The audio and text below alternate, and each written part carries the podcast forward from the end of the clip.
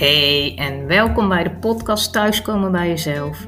Ik ben Ilona en ik neem je via thema's als identiteit, verlies en geloof mee op mijn innerlijke zoektocht. Voor mij werkt dat het beste buiten, in de natuur. Dus ik nodig je uit om de natuur op te zoeken en je al luisterend te laten inspireren om samen met mij de weg naar je hart te bewandelen en uiteindelijk thuis te komen bij jezelf. Ah, wat leuk dat je weer luistert. Ik wil het deze aflevering met je hebben over posities. Posities in ons leven. En dan denk je waarschijnlijk van, als je al eerdere afleveringen hebt gehoord, van ja, maar Ilona, daar heb je dus al over gesproken. Dat klopt dus ook. Zowel in uh, aflevering van welke positie neem je in, ook in de drama-driehoek. Maar toch wil ik het nog even opnieuw opfrissen. En ook vanuit mijn eigen nieuwe ervaringen er weer in, nieuwe kijk, nieuwe lessen die ik eruit geleerd heb. En ja, ik wil dat gewoon natuurlijk ook heel graag met je delen. En ook omdat ik gewoon merk dat het heel erg bij mensen speelt. Dus het blijft gewoon een belangrijk thema. En dat komt ook omdat het, het, het, begint al. Het begint al als je wordt geboren. Nou ja, daar heb je het al. Daar begint het al bij. Zo essentieel is die positie. En niet alleen die van jou, want dat heb ik in eerdere, of in eerdere afleveringen ook al gezegd, hè, ook de positie van je ouders. Je ouders zijn niet alleen meer partners van elkaar, maar ze worden ook ineens ouder, jouw ouder. En broers of eventuele zussen uh, krijgen er ineens iemand bij die weer naast hun op de lijn komt. Dus dat is echt jouw beginpositie. jij wordt zoon of dochter, je wordt broer of zus. Daar begint het allemaal mee. En dan begin je ook al met het zoeken naar de positie ten opzichte van anderen. Want denk eens in, hè, wat is de grootste behoefte van een baby? Als het net wordt geboren bijvoorbeeld grootste behoefte is om gevonden te worden. Gevonden door moederarmen die warmte geven en bescherming, om getroost te worden als het die koude wereld inkomt, om gevoed te worden. Je doet er alles aan om gevonden te worden. En dat stopt niet na je geboorte. Als volwassene wil je nog steeds gevonden worden. Ik hoorde pas iets moois tijdens een uh, training. Vandaar denk ik ook nu dit, ja, dat dit zo opborrelt.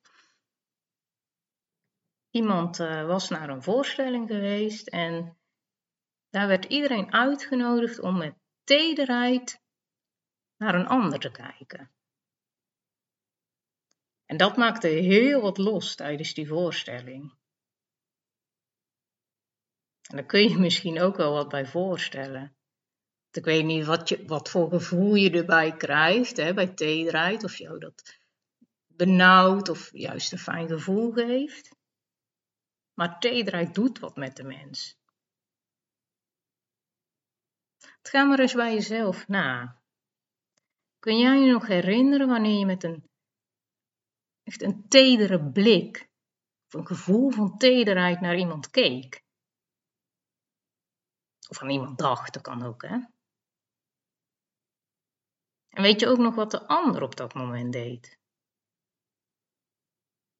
Misschien was bijvoorbeeld je kind net uh, juist heel ondeugend geweest. En je weet, hè, oh, ja, moet eigenlijk een grens trekken, maar ja, je voelt ook ergens die warmte voor je kind en misschien moest je er zelfs wel een beetje om lachen. En uiteindelijk eindigden jullie met een hele grote knuffel.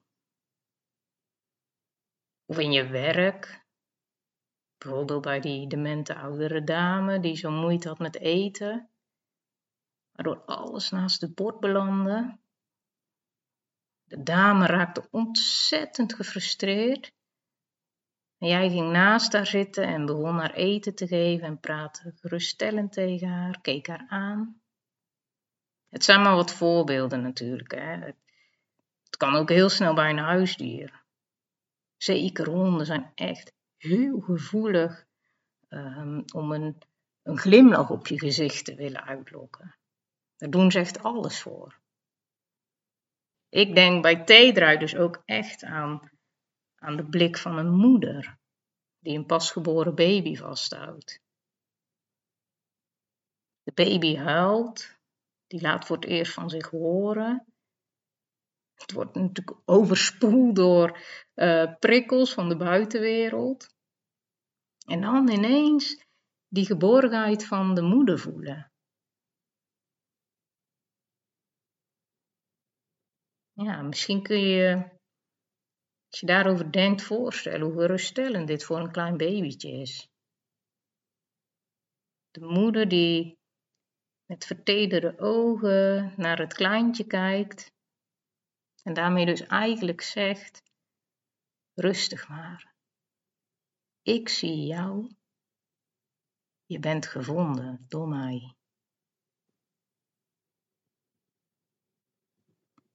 En dan met zo'n blik nu de wereld in kijken, dat is toch wel wat. Want, zoals ik in het begin zei, iedereen wil gevonden worden. Dat stopt dus niet in onze babytijd. Ja, en naar een eventuele partner of kinderen is het nog wel voor te stellen. Bij de meeste van ons. Hè, om, om met, met ja, vertedering naar iemand te kijken of aan iemand te denken. Ook als ze soms het bloed onder je nagels vandaan halen. In hele goede gevallen, ja, dan kan het naar andere gezinsleden zoals ouders en broers en zussen ook nog. Maar ook daar wordt het in veel gevallen al lastig. Laat staan naar die gemene buren die het leven zuur maken. Of die collega die er alles aan doet om jouw werk moeilijk te maken dan wordt zo'n tedere blik best wel moeilijk, hè? Of nou ja, als ik voor mezelf spreek, dan is het eigenlijk bijna onmogelijk. En daar komt onze levenspositie om de kijken. Hoe ben jij gevonden als kind? Hoe werd jij gehoord? Bestaat jouw levenspositie uit vertrouwen, uit ik ben oké, jij bent oké, of juist uit wantrouwen en angst. Dus vanuit het hè, ik ben oké en jij bent echt niet oké. Of juist andersom. Jij bent oké, maar ik ben absoluut niet oké.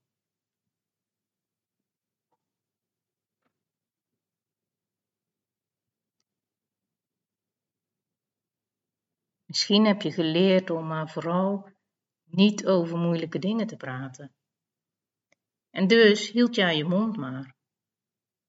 Of misschien was er altijd spanning bij jullie thuis. Dan was er geen ruimte voor jou. Want dat kon alleen maar onveilige situaties opleveren als je die ruimte in zou nemen. En weet je wat je automatisch doet in je leven? Je zoekt een positie waarbij het voor jou zo veilig mogelijk voelt. Je bent ingesteld om te overleven.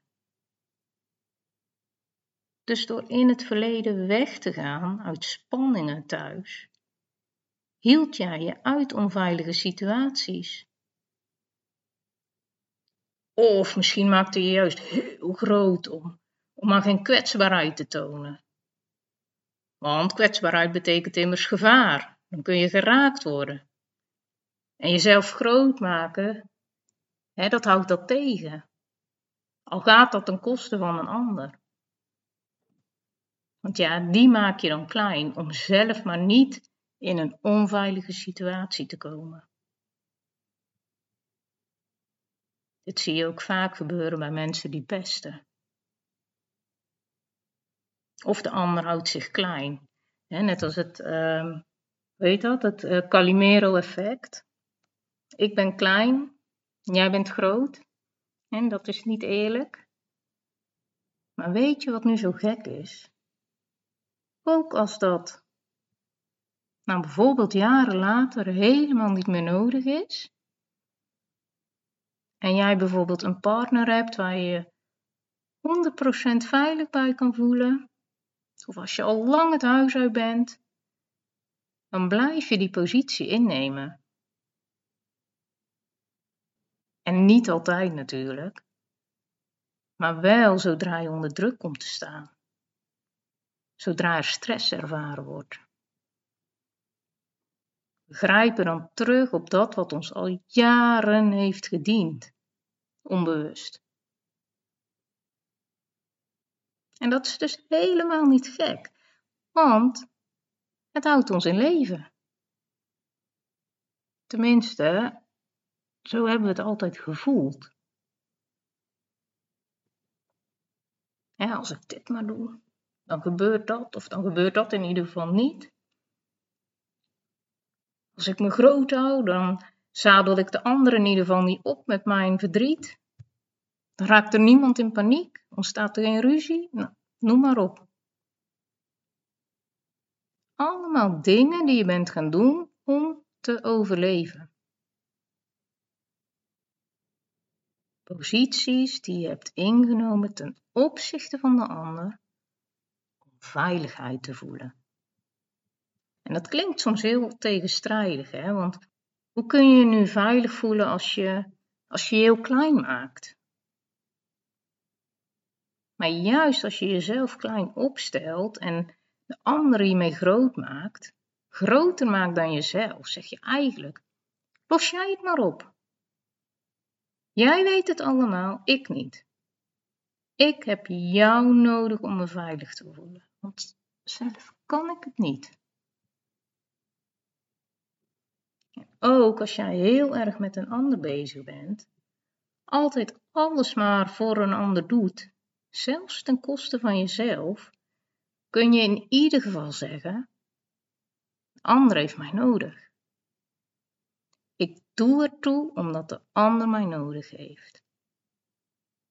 In die eerdere afleveringen, zoals in de drama-driehoek, gaf ik ook al aan dat we ook heel snel wisselen in die positie. En dit kan al per situatie verschillen, maar ook met wie je te maken hebt.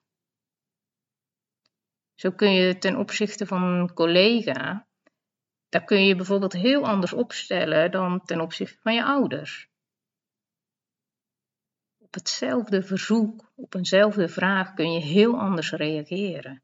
Als een vriend of een vriendin om hulp vraagt, kun jij hier anders op reageren dan wanneer je vader of moeder dit vraagt, of bijvoorbeeld een partner. Dit komt ook omdat je bijvoorbeeld bij ouders ook al een andere positie inneemt. ook op die kind- en ouderlijn. De positie van een kind is onder je ouders. En soms gaat een kind heel veel zorg geven aan een ouder.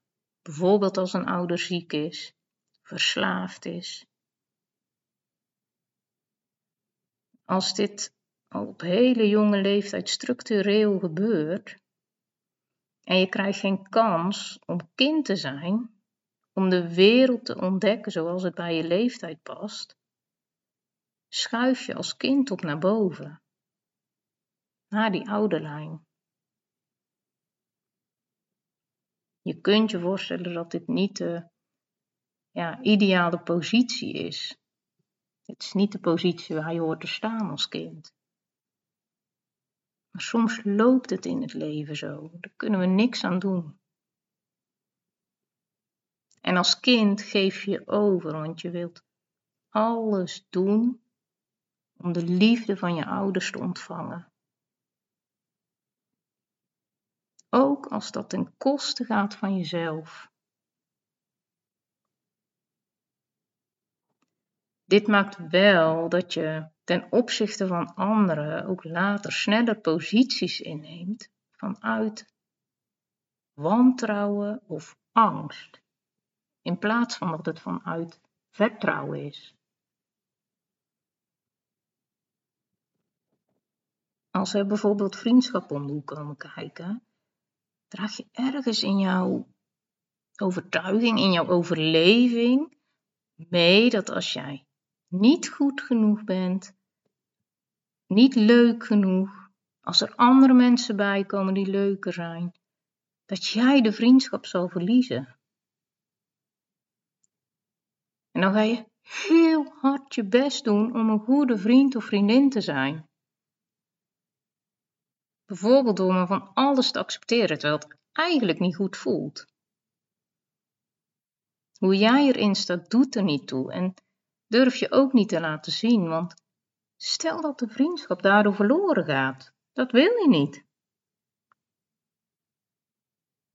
Mag ik je eens vragen om een bepaalde relatie in jouw leven nu in gedachten te nemen? Misschien een ouder of schoonouder waar het contact of stroef mee loopt, of een vriend of vriendin waar je graag contact mee hebt.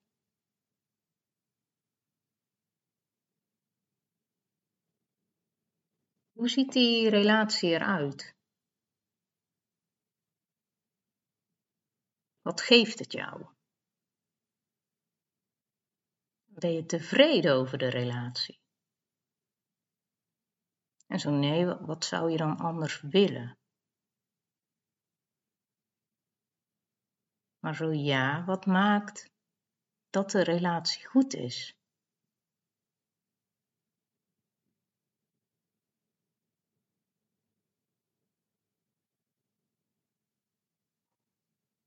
Ik kom hier straks nog op terug. Pas vroeg iemand tijdens coaching, uh, tijdens een coachingsgesprek, hoe het toch kan dat wanneer op de meeste vlakken in je leven nou, de, de grip weer terug lijkt te zijn en je weer meer zicht hebt, dat relaties zo ingewikkeld worden. En we moesten er wel om lachen, maar het is natuurlijk heel frustrerend. Dan denk je, ja, hè, dan loopt alles en dan krijg je dit. Maar eigenlijk is dat heel logisch. Want zodra jij meer zicht krijgt op jezelf, op jouw situatie, krijg je zicht op de behoefte die in jou zit en hoe je in het leven wilt staan. En dat wil eruit. Alleen dan is het nog de kunst om dat echt te laten zien. En dat kan heel spannend zijn. Zeker als je het niet gewend bent of als je bang bent met wat het met de ander doet. En dan is de vraag: sta jij in relaties met vertrouwen of met wantrouwen? Durf jij jezelf te laten zien in relaties, ook als dat afwijzing kan betekenen? Durf je keuzes te maken die voor jezelf of voor de ander moeilijk zijn? Want als volwassene, dus niet als kind, maar om als volwassene in een relatie te staan, kan ook betekenen dat je leert om iets te accepteren. Dat klinkt best wel hard, hè? Ik weet natuurlijk helemaal niet hoe jouw situatie is.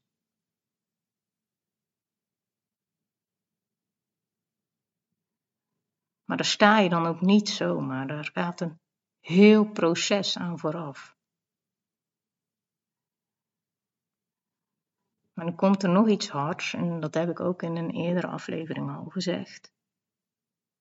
Het is een, en het blijft ook een feit dat we allemaal een lot te dragen hebben.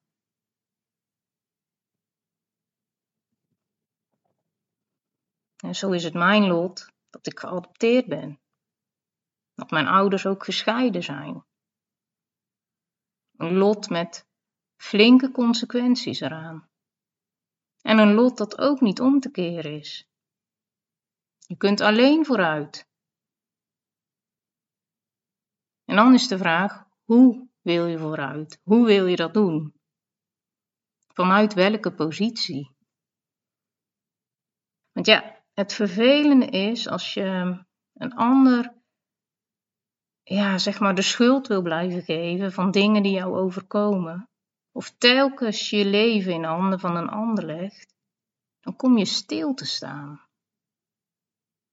Sterker nog, je wordt teruggeworpen. Teruggeworpen naar die tijd dat je als kind bang of boos voelde, bijvoorbeeld. En wat heb je als kind nodig? Dan heb je hulp nodig van een volwassene. Iemand die jou ziet en zegt: Ik heb jou gevonden. En nu gaan we samen kijken hoe dit opgelost kan worden. En dat geeft vertrouwen. Vertrouwen dat de ander jou niet afwijst, ondanks wat je laat zien, ondanks je gedrag, maar ook vertrouwen dat je zelf in staat bent om beslissingen te, nemen in je leven. Veel mensen hebben dat vertrouwen in hun kindertijd gemist. Misschien jij ook. Soms door een gebeurtenis, maar vaak ook doordat belangrijke volwassenen in hun leven het niet konden geven.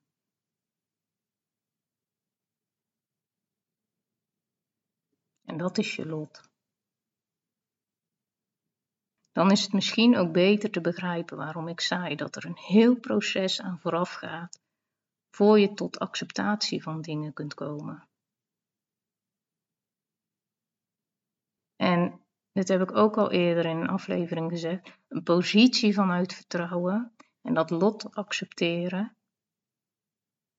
Dat betekent ook niet dat je geen verdriet mag hebben om dat wat je hebt gemist, om dat wat jou is afgenomen, om dat wat je verloren hebt. Integendeel, het is heel belangrijk om er, nou, om erover te rouwen. Maar in de volwassen positie mag je ook gaan zien wat je nu, nu als volwassene nodig hebt en hoe je daar nu zorg voor kunt en mag dragen. Vanuit ik ben oké, jij bent oké. Met de positie ik ben oké, jij bent oké, vraag ik je nog eens naar de relatie te kijken die je net in je hoofd had. Hoe kijk je nu naar die relatie? Verandert jouw kijk? Of blijft het hetzelfde? Sta jij erin vanuit de positie: ik ben oké, jij bent oké.